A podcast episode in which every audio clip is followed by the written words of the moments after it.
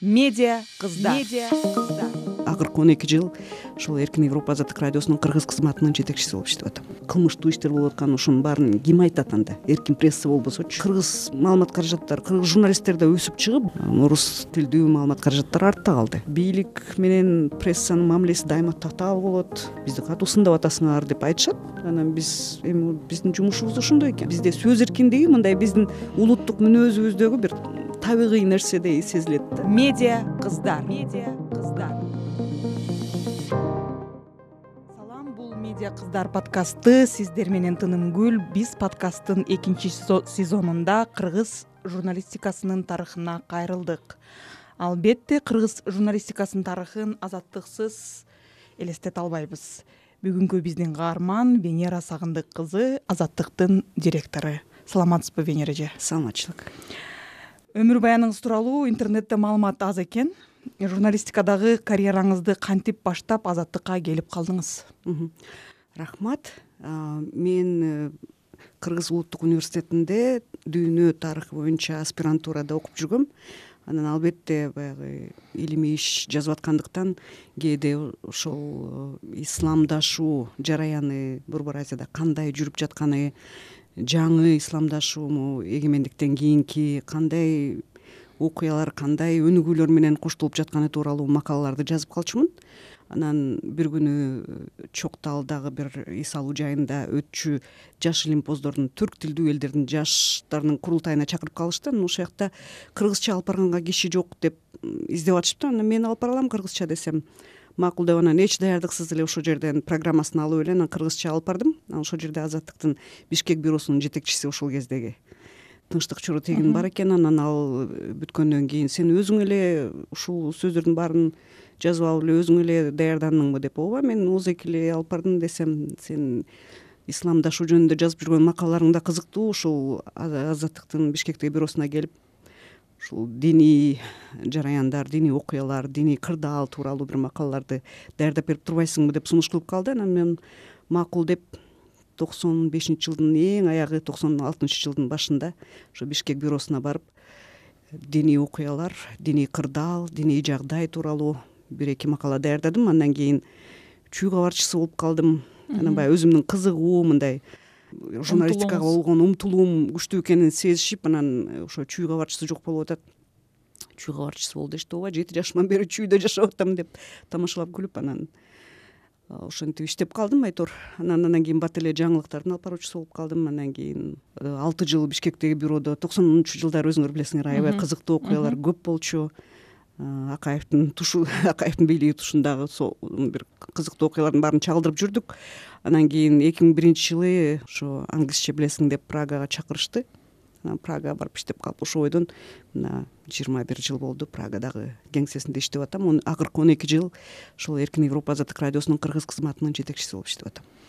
Токсонунчу жылдарды белгилеп кеттиңиз. Менин баардык каармандарым ошол кезде журналистика абдан мындай эркин болгон деп белгилеп кетишкен. Э, сиз ошол убакытты кандай э, мындай характеристика бере алат элесиз чындыгында токсонунчу жылдардагы ушул эле азыркы ктр деп коебуз го кыргыз мамлекеттик улуттук же болбосо телерадио э, абдан кызыктуу берүүлөр чыкчу. Биз кызыгып көрчүбүз мындай эркиндиктин жели кайсы бир деңгээлде кээде шамалы да мындай сезилип турчу экрандан анан э, андан тышкары өзүңөр билесиңер асаба гезити абдан популярдуу болгон аларды туурап кыргыз руху э, дагы башка гезиттер чыккан аалам деген дагы орусча да гезиттер дело номер ал кезде иликтөөлөрү жакшы болчу. Анан асаба гезитин мен өзүм ар бир санын издеп жүрүп сатып алып окучумун. Эми алым токтомушев ошол кезде раматтылык жолдошбек зарлыкбеков мамат сабыров мелис шымканов эрнис асек. Булар анан кээде башка дагы авторлордун макалалары. Эми көп журналисттер иштеди да ал жерде. Чолпон оразобекова жаңыдан чыгып келаткан. Эми ошолордун азыр кээ бир макалалары ушуга чейин эсимде да. Ушунчалык катуу таасир эткен. Кубат оторбаев эми баарын айтып отурсак көп көп э, мындай таланттуу э, шыктуу журналисттер иштеп калды ошол кезде. Асабада башка гезиттерде биздин айданбек ташкенбаев дагы кыргыз рухунда иштеп жүрдү го дейм. Анан иши мындай таланттуу бир аны өзүң билесиң советтер союзунда мектепте университеттерде билими деңгээли азыркыдан кыйла эле жогору болчу. Ошол кезде мисалы раматылык калым токтомушев э, жолдошбек зарлыкбеков баратбай аракеев башкалар мындай макала жазганда жок дегенде орустардын баягы дүйнөлүк дүйнөлүк деңгээлдеги классиктерин баягы достоевский гогольдун чыгармаларынын каармандарын мисалга келтирип ошо саясатчыларды ошолорго салыштырып анан же болбосо дүйнөлүк эл аралык адабияттан э, атактуу чыгармаларын анализдеп ошолордогу каармандарга салыштырып ошолордогу жашоого салыштырып ушундай кызыктуу болчу да макаласы мындай өкмөт бийликтин саясатын сындаса дагы ошондо бир жаңы маалымат алып мындай ишыл агартуучулук деңгээли да жогору болчу. Азыр менен мындай салыштырганда журналистика кандай болчу эмне үчүн ушунча э, ошол убакта ушундай белгилүү адамдар да көп болгон? Менимче бул аттар мындай прям биринчиден абдан билимдүү журналисттер көбүрөөк болгон албетте. Анткени алар э, мен эми өзүм журналистика факультетинде окуган жокмун. Ал жерде кандай билим берерин билбейм. Бирок булар Э, кыргыз адабиятын э, советтик адабиятты анан дүйнөлүк адабиятты жакшы окутса керек ошол кездечи. Анан э, андан тышкары бул жалпы эле мурдагы советтик советтер союзунун аймагындагы чоң бир жараян болгон да. Орусияда билесиңер баарыбыз нтвны көрчүбүз. Ошол кезде киселев карамурза кандай бир күчтүү журналисттер чыккан шендерович баарын программаларын күтүп көрчүбүз. Анан ошол жалпы советтер союзундагы москвадан башталган башка өлкөлөрдө жүрүп жаткан чоң бир эркиндиктин жели бизге да аябай күчтүү агымы келип анан биз дагы ошол агымга кошулуп айтор бир эркиндиктин э, бир жаңы толкунун бир мындай катуу күчтүү агым менен журналисттердин бир тобу менен мындай жарып киришкен да. Анан бирок ошол кийин орусияда аябай катуу аларга каршы эркин журналисттерге каршы чоң э, кампания болуп нтв мурдагыдай болбой баары тең сөз эркиндиги катуу жабылып калганда бизде да ошондой. Баягы биз баары бир кайсы бир деңгээлде байланышыбыз чырмалышып баягы тамырлар үзүлбөптүр да ошондуктан алар дагы көрүнүштөр да бияка жайылып кетти. Экинчиден интернеттин заманы акыркы он жыл он жылдан көп э, мезгилде азыркы жаштар мындай чоң чоң калың китептерди окубай эле мындай интернеттен соц медиадан аябай ошолорду окуп эле анан кыска кабарларды анан кыска видеолорду көрүшүп эле анан ушул интернеттин жылдызы болуп эле чоң саясатчы болуп атышат мындай соц медиада өзүлөрүнүн саясий карьерасын жасап атышат. Бизде депутат болобу же министр болобу ал сабаттуу жаза алабы сабаттуу сүйлөй алабы деген баягы критерийлер өлчөмдөр ченемдер баары аябай майдаланып кетти. Анан азыр заман өзү ушундай болуп атат. Мен англис тилдүү медианын дагы ошо англис тилдүү соц медианы да карап турам аякта деле ушундай талкуулар. Азыр э, сүйлөшүп калабыз биз деле англис тилдүү журналисттер менен аларда деле ушундай көрүнүш. Мындай англис тилинде аябай сабаттуу жазган же болбосо өзүң билесиң токсон миңден ашуун сөз бар да англис тилиндечи мисалы анан ошол сөздүн баарын пайдаланган же болбосо жок дегенде ондон бирин пайдаланган журналисттер азайып баратат деп баягы айтып калышат да. Карьераңыздын көп бөлүгүн азаттыкка арнаган экенсиз. Э, кыргызстанда ачык коомду куруудагы азаттыктын ролун кандай аныктайт элеңиз? Азаттык радиосу эми жыйырма үчүнчү жылы эмдеги жылы мартта жетимиш жылдыгын белгилеген атат. Анан бул жетимиш жылдан бери Э, согуш маалында темир тор артында мюнхенде э, ошол кезде ар кандай тагдырдын амири менен чет өлкөдө жашап калган раматылык азамат алтай төлөмүш жакып уулу андан кийин аким өзгөн арун өзгөн э, бир тээ большевиктик заман жаңы башталганда эле ошол басмачы деп аталып башкача аталып ушул ооганстанга кытайга пакистанга тарап кеткен кыргыздардын тукумдары ошолордун неберелери Э, кийин туркияга келип жашап калышып анан ошол жактан ушул азаттык радиосуна сынак жарыяланганын угуп ар кандай жолдор менен ошого катышып анан кийин жумушка орношуп бир берүүлөрдү даярдап турушкан. Ошол тарыхына кызыгып дагы көп изилдеп көрдүм архивин. Алар ошол ошол кезде советтик кыргызстанда тыюу салынган темаларды талкуулачу экен мисалы касым тыныстановдун ошол кезде өмүр баяны ал эмне үчүн ошондой тагдырга туш болуп калган атууга кеткен э, э, баялы исакеев төрөкул айтматов анан иши керек болсо убагында төгөлбай сыдыкбеков өзү да куугунтукка туш болгон. Анан манас эпосу өзүңөр билесиңер. Чоң кампания болгон манас эпосуна каршы. Анан марбайжиевдин атасы анан саманчин деген дагы бир окумуштуулар ошол улутчул деп неме камалган. Ушундай иш кылып баягы советтик кыргызстанда көп айтылбаган тыюу салынган темалардын баарын талкуулаганга аракет кылышчу экен. Анан кыргыздын тарыхы тарыхындагы актай барактары айтылбаган э, жашыруун темалар кыргызстандын келечеги кандай болот? Э, кыргыз эли эгемендикке жетеби э, эгемендикке жетсе кандай болот?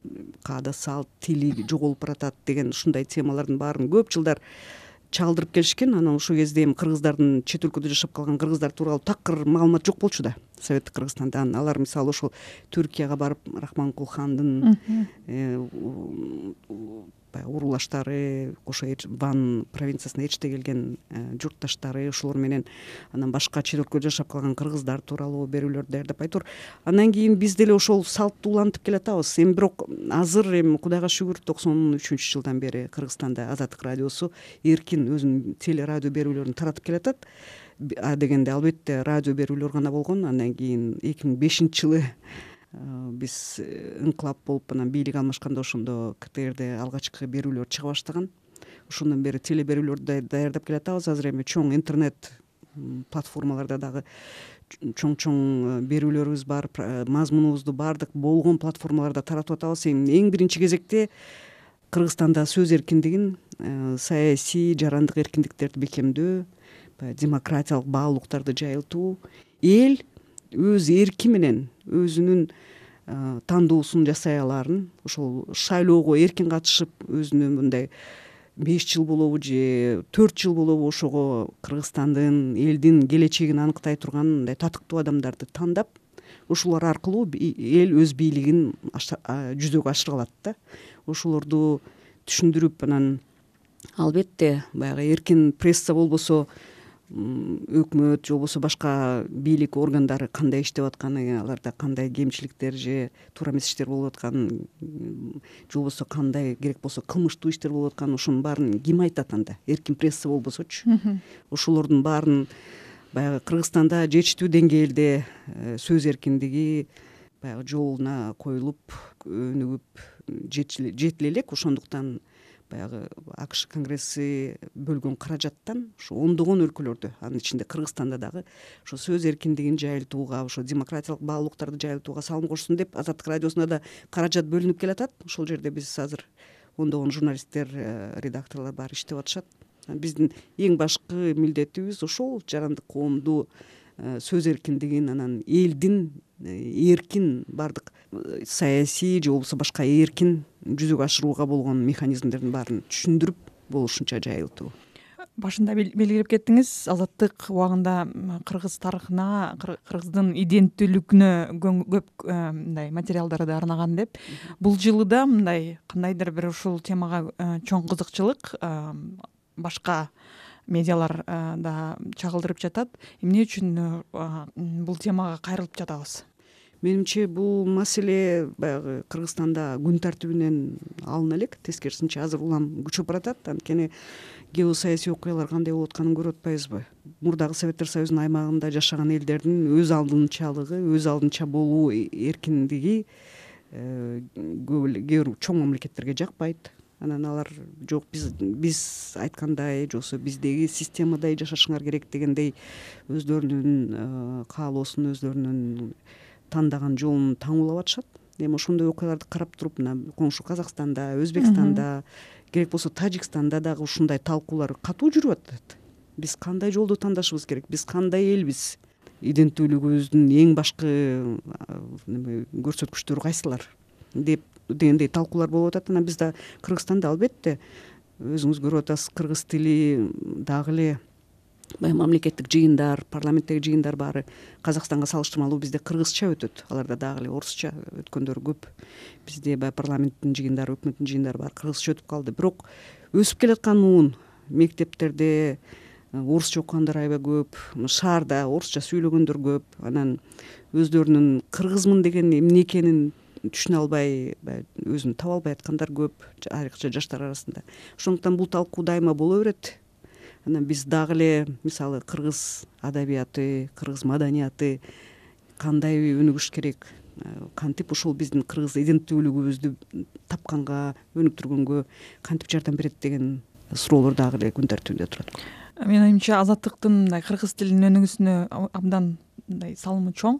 Сиздин оюңузча кыргызстандагы медианын өнүгүү жолун кайсы басылмалар аныктады ошо тарыхында мына отуз жыл тарыхында.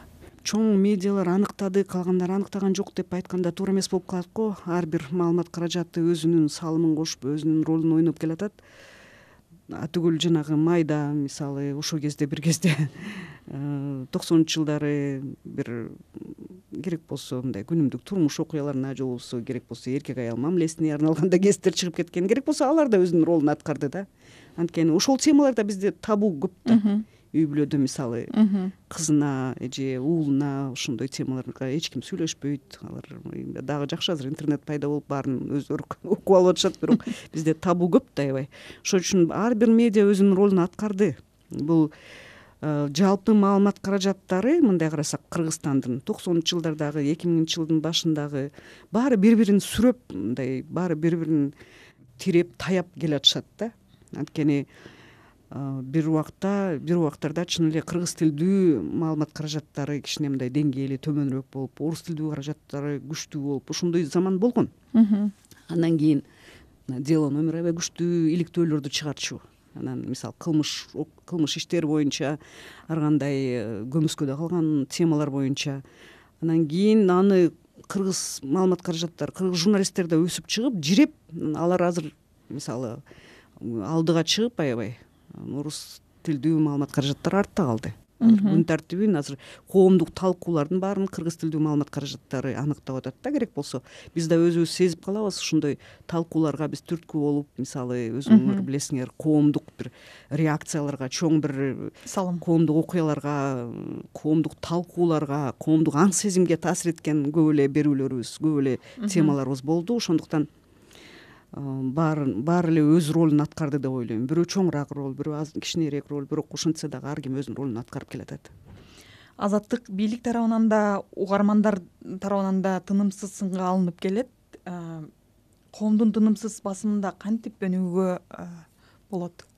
Өзгөчө азыркы кырдаалда ооба эми сындап турушпаса өнүгүү болбой калат да. Мен дагы баягы интернеттеги комментарийлерге жазып калам сындап тургула бизди камчылап тургула ошол э, сын пикирлер бизди алдыга жылууга андан ары өнүгүүгө жардам берет деп анан сунуш пикирлерин эми азыр интернет заманы жыйырма төрт саат жети күн бою эле күнү түнү дүйнөнүн булуң бурчунан мисалы биздин кыргыз тилдүү сайтка географиясы бар да статистикасына келгендечи эми карасаңыз кайсы өлкөлөрдөн кирип атат деп карасаңыз бир да континент жок да биздин кыргыз тилдүү сайтка кирбеген. Демек кыргыз тилдүү биздин адамдар дүйнөнүн баардык булуң бурчунда жашап атышат да. Анан ошондуктан ошондой сын пикирлер албетте дайыма болот бийлик менен прессанын мамилеси дайыма татаал болот. Анткени биз бийликтин кызыкчылыгында иштебейбиз да. Биз коомдун кызыкчылыгында журналистика деген бул коомдук кесип биз коомдун элдин кызыкчылыгында иштешибиз керек. Анан дайыма эле шайкеш келе бербейт экен да. Эл менен ошо бийликтин кызыкчылыктары же болбосо көздөгөндөрү же болбосо күн тартиби дегендей. Анан э, алар кээде ушундай шачаап кетип атасыңар бизди катуу сындап атасыңар деп айтышат. Анан биз эми биздин жумушубуз ошондой экен.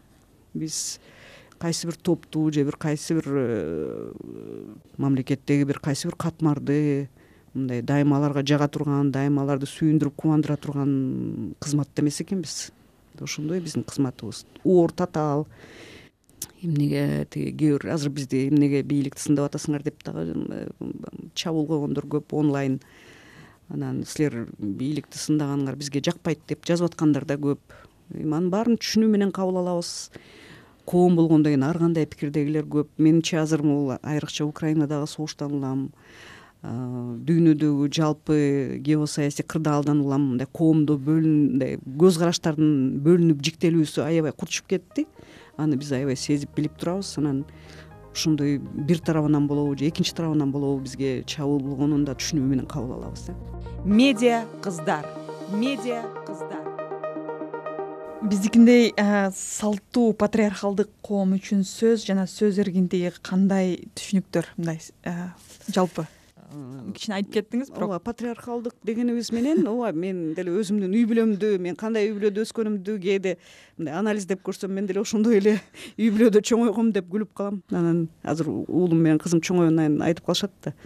Өзүңүздүн эле апаңыз айткан сөздөрдү айтасыз бизге депчи мен ошондой үй бүлөдө чоңойсом ошолордун айтканын кайталайм да деп күлүп калам.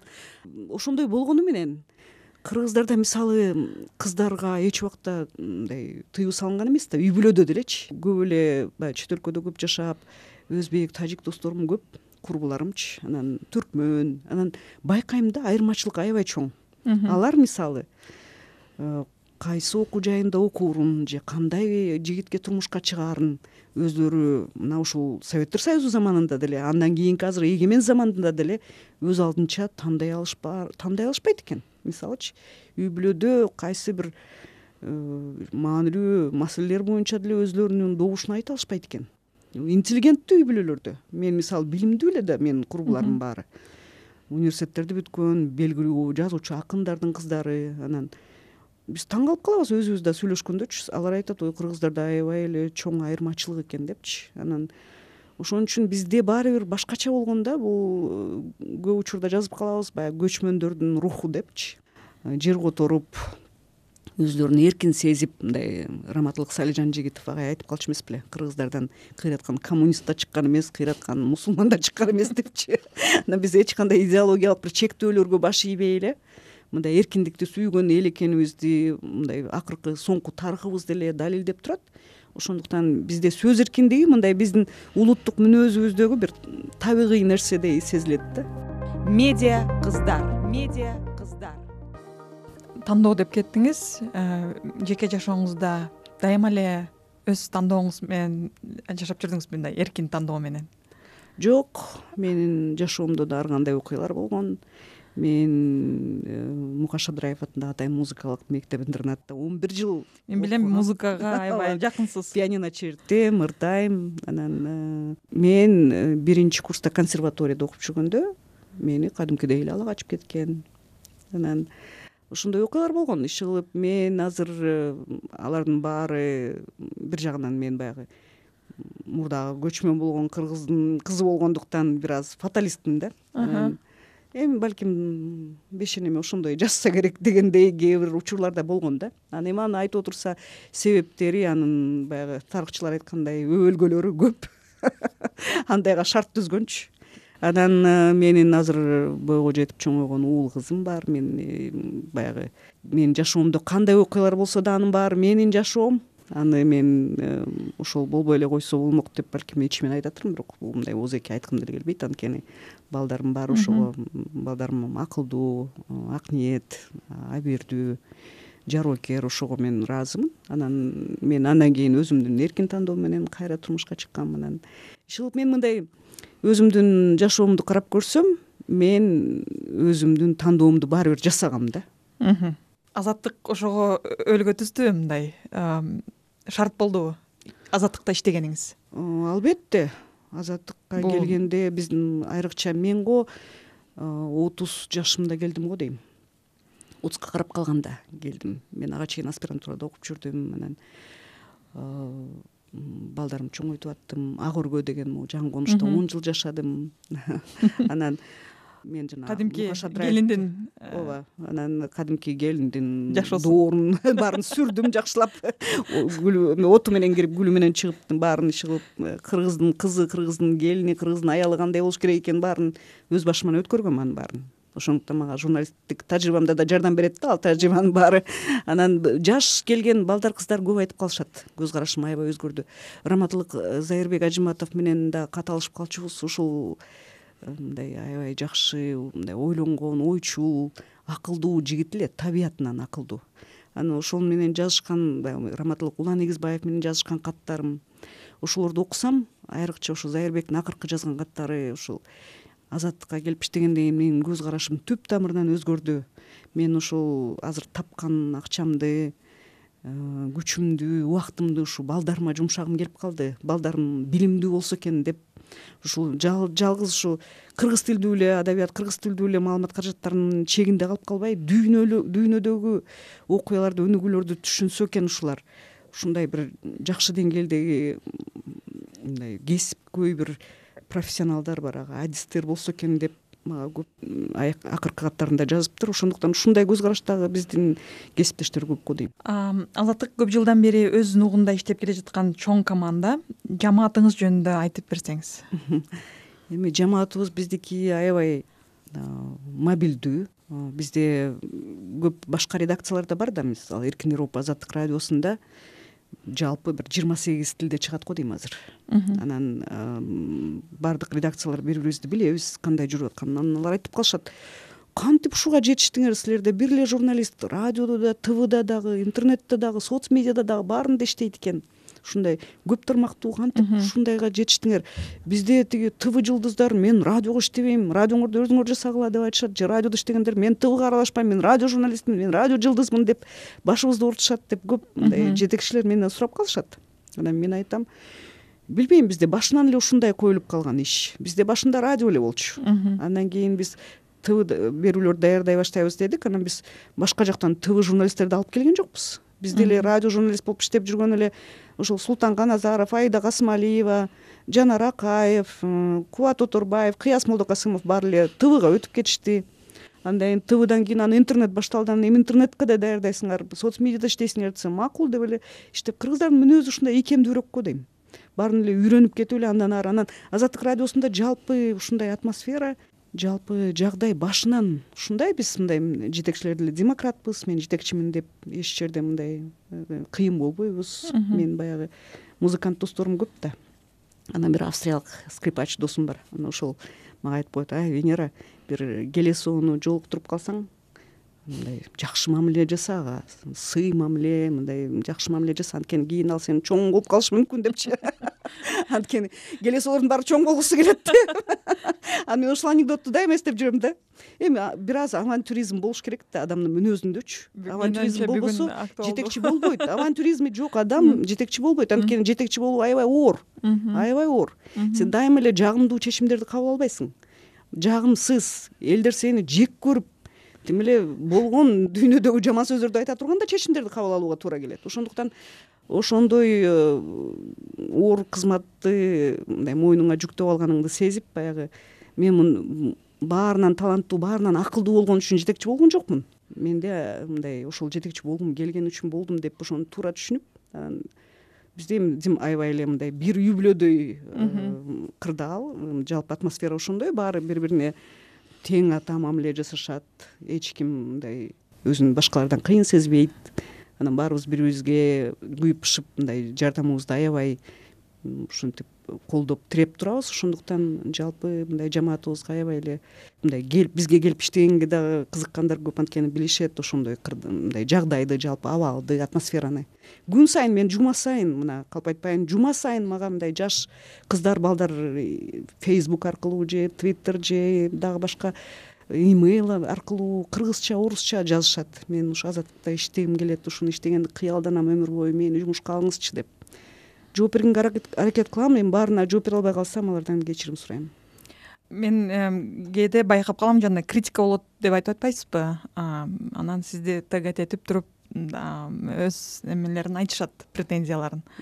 Ошондойдо ошондой убакытта сиз кантип чечимдерди кабыл аласыз? Ушундай оор убакыттарды кантип э, өтөсүз эми жетекчи катары. ооба андайдын баарына даяр болуш керек да. Бул медианын жетекчиси болгондо эле бул коомдук кызмат да. Анан коомдук бир ишке бир жоопкерчилик алгандан кийин ар кандай пикирлерге керек болсо бир киши мисалы жини келип турса ал ошол жинин сенден чыгараарына деле даяр болушуң керек. Анан мен баарын жүз пайыз окудум деп айта албайм жазгандардынчы мага кээ бирлер тиги да жазган бул да жазган деп айтышат ой менин убактым жок алардын баарын окуганга. Эгерде жеке өзүмө жазса мен албетте мен окуганга милдеттүүмүн деп окуйм. Анан баардык интернеттин кеңири айдыңында кайсы жерде ким эмне жазганын таап окуганга убактым да жок. Анан окугандардын баягы кээ бир пикирлерин албетте эске алып кичине мындай чын эле ошол туура э, балким ага бир негиздер бардыр деп ушинтип ойлонуп кээде ошондой бир э, кадамдарды жасашым мүмкүн. А болбосо бизде баягы өтө эле олуттуу айыптоолор андай мындай жазылганда биздин жетекчилик дагы мындай бир аз текшерип анализдеп баарын изилдеп чыгышып анан айтышат мага эми биз текшердик ага деле негиз жок экен деп анан иштей бересиң ушундай.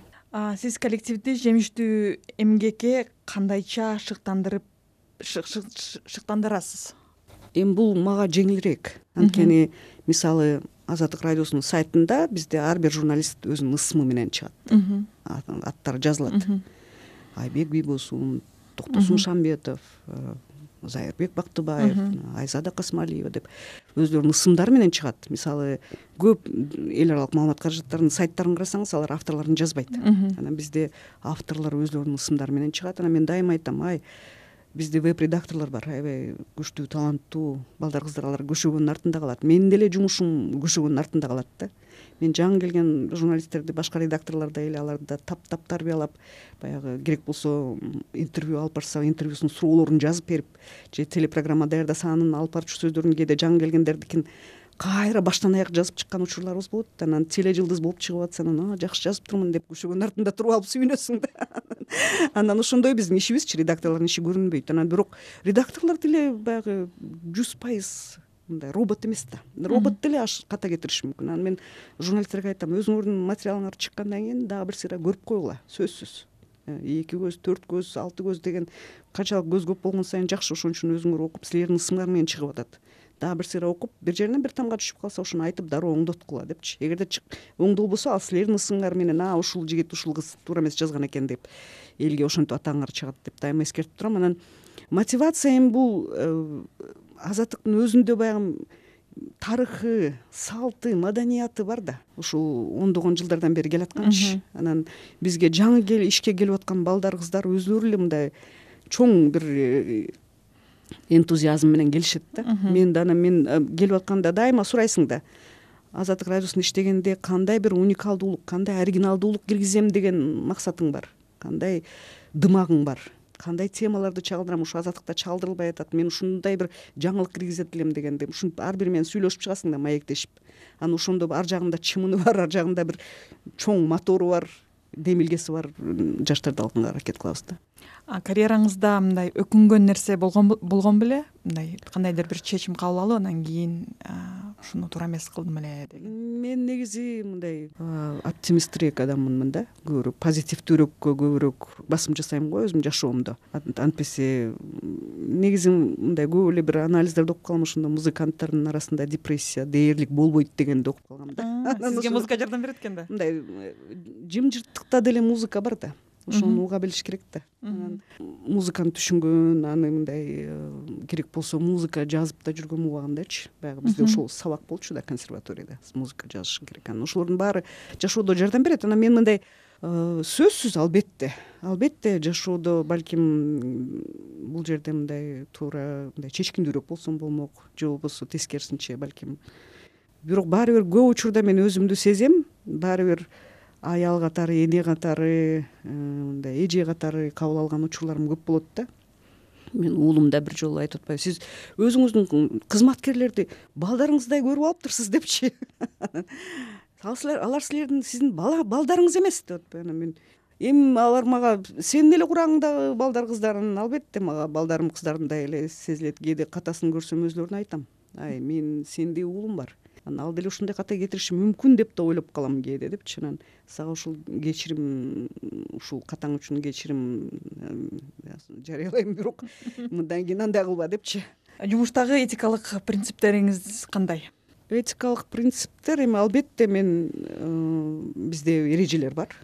Мисалы кызматкерлерден эсимде жок. Калп этпесем бир элүү доллардан ашык каражатка белек алганга болбойт. Анан мисалы кызматкерлер менен өтө жакын мамиледе болгонго болбойт. Субординацияны? субординация сакташ керек. Анан жумуш жумуш мындай жеке мамилелер. Биз өкүнүчкө карай журналисттер азыркы журналистиканы өзүң көрүп атпайсыңбы жыйырма төрт саат жети күн интернет пайда болгондон бери бизде жумуштан башка эч нерсе жок да. Мен жолдошумду да жумушта жолуктургам анткени мен башка кайдан жолуктурам? Башка эч жака убактым жок болсо. Анан ошол э, жумушта эле жүрө берип мындай жакын досторум да эң жакын досторум да ошо жумуштан жолуктурган адамдар да. Анан баягы бир кызыкчылыктар бир мындай темаларды сүйлөшкөнгө баягы бош учурда маектешип отурганга баягы өзүңө жан дили жан дүйнөсү жакыныраак адамдарды жакындатасың да өзүңө. Ошо баары бир баары бир кесиптештер болуп калат экен. Ошондуктан мен таптакыр досторум жок деп деле айта албайм да. Музыканы бир эки жолу айтып кеттиңиз. Кайра музыкага кайрылгыңыз келбейби? Анан акыркы жолу кайсы концертте болдуңуз? Мен концерттерди өткөрбөгөнгө аракет кылам. Жакшы концерттерди. Анан пианино чертем үйүмдө бар. Анан кээде импровизация чертип калам. Жолдошум экөөбүз үйдө жалгыз отурганда мен сен азыр ичиңде кандай сезип атканыңды чертип берейинби? десем э кана чертип берчи дейт. Анан бирдеме импровизация чертип койсом так ушундай сезип аткам өзүмдү? деп күлүп калат. Анан иши кылып музыка аябай көп жардам берет. Анан мен акыркы концерт бишкекке келгенден кийин азыр аябай көп концерттер болуп атат. Ооба аябай көп концерттер болуп атат. Бирок менин азыркы жашоом өкүнүчкө карай ар кандай жолугушуулар ар кандай адамдар менен жолугуулар менен эле өтүп атат анан мен концертке баягы консерваторияга бардым. Польшадан эки скрипач келген анан өзүбүздүн эле консерваториянын анан мукаш абдраев атындагы мектептин окуучулары чертишти. Мүмкүнчүлүгүм болгондо эле бара калганга аракет кылам да. Менин билишимче дайыма келген сайын э, биздин ооба сөзсүз залдарга барып турасыз филармониянын мисалы азыр э, бүгүн. Кичи залында э, эрмис асаналиев ташыбаева ошолор чертишет барганга аракет кылам да айтор ушул күндөрү сизди эң көп эмне тынчсыздандырат? Эми албетте биздин кыргызстандагы кырдаал дайыма эле жүрөгүбүз кыргызстан деп согуп турат да биз эртең менен ойгонгондо эле кыргызстанда эмне болуп атат деп эле же деп ансыз жашай албай калдык да суу ичкенден мурун же болбосо дем алгандан мурун кыргызстанда эмне болуп атат эмне окуялар болуп атат деп анан жанагындай жарандык э, активисттерибиз азыр абакта отурушат аларды да элестетип ийем кандай шарттарда отурушат кандай сезип атышат өздөрүн? Суук бекен эмне экен деп ойлоп жанагы аялдарга боорум ооруп кетет. Мындай өзүңдү жайбыракат бир жай турмушта жашап аткандай сезе албайсың баары бирчи баары бир бир нерсе бир жериңде баягы тынчсыздануу болуп турат. Анан сөз эркиндигине байланыштуу кырдаал кандай болот? Биздин азаттык радиосун азыр өзүңөр көрүп атасыңар. Банкта эсеби жабылган кызматкерлерибиз айлыгын ала элек сурап коем ай курсаңар ачкан жокпу деп. Эми ушундай заманда жашап атабыз анан азыр эртеңки келечегибиз кандай болот? Деги эле биздин келечекти мамлекеттин элдин келечегин аныктай турган адамдардын кандай пландары болуп атат кандай ойлору болуп атат? Ошолордун баарын ойлоп тынчсызданып турам. Пландарыңыз анда кандай? Ушундай кырдаалда. Пландарым негизи буюрса китеп жазып китеп чыгарайын деп аткам. Мен даже жарыялап да койбодум беле. Миржан балыбаев менен маектешип аябай көп архивдик материалдарды чогулткам элүүнчү э, жылдардын башында европада жашап калган борбор азиялык диссиденттер мигранттар качкындар дейбизби. Ошолор э, казак кыргыз өзбек түркмөн чогулуп баягы түркстан элдик боштондук кыймылы түрк эли деген уюмдарды уюштуруп ошо европада э, конференцияларын өткөрүп жолугуп ошол өздөрүнүн мекениндеги ал кезде каттай албай калышкан да темир тор артына. Анан ошол өзлөрүнүн мекениндеги э, окуяларга кызыгышып тынчсызданып мындай эгемендик көз каранды ыстык келеби биздин элдерге э, өзүбүздүн эне тилибиз жоголуп кетпейби деген талкууларды уюштурушуп түрк эли деген журнал чыгарышып ошентип алар эмнегедир ушул азыркы борбор азияда түркстан деген бир бирдиктүү мамлекет курулат деп эңсешчү экен да анткени эми көп жагынан ойлосок ал деле баягы жаратылыш ресурстарын жер суу баарын баягы ушул борбор азияда жашаган элдердин кызыкчылыгында мындай ынтымактуу пайдаланып ынтымактуу иштетип баарын баягы өнүгүп кетсе аябай эле чоң геосаясий жактан да маанилүү аймак болуп калмак да мисалы европа биримдигинде жашап атабыз аякта жыйырма жети өлкөнүн ортосунда чек аралар жок. Паспорт көрсөтпөйсүң саякаттап жүрө бересиң баары бири бирине баягы артта калып калган польша мисалы венгрия болгарияларды евро биримдикке кабыл алгандан кийин эки үч жылдын ичинде эле жолдорун оңдоп баягы батыш европадагы стандарттарга келтирип инфраструктурасын оңдоп аябай сонун бир өнүккөн аймак болуп калбадыбы жалпы чоң чөлкөм болуп жана борбор азияда ошондой болсо деп мен деле ойлоп кетем. Ошол алардын кыялы алардын жасаган иштери ишмердиги жөнүндө китеп жазайын дегем анан баары артка жылып эле ушундай күйүп эле ала турмушта жашап атабыз азыр күнүмдүк эртеңкибиз эмне болот деп чочулап эле. Э, маек куруп бергениңизге чоң рахмат э, венера эже азаттыкка жана сизге ийгиликтерди каалайм. Сиздер менен медиа кыздар подкасты болду. Биз менен венера сагындык кызы маектешти. Сиздерге да чоң рахмат. Медиа кыздар медиа кыздар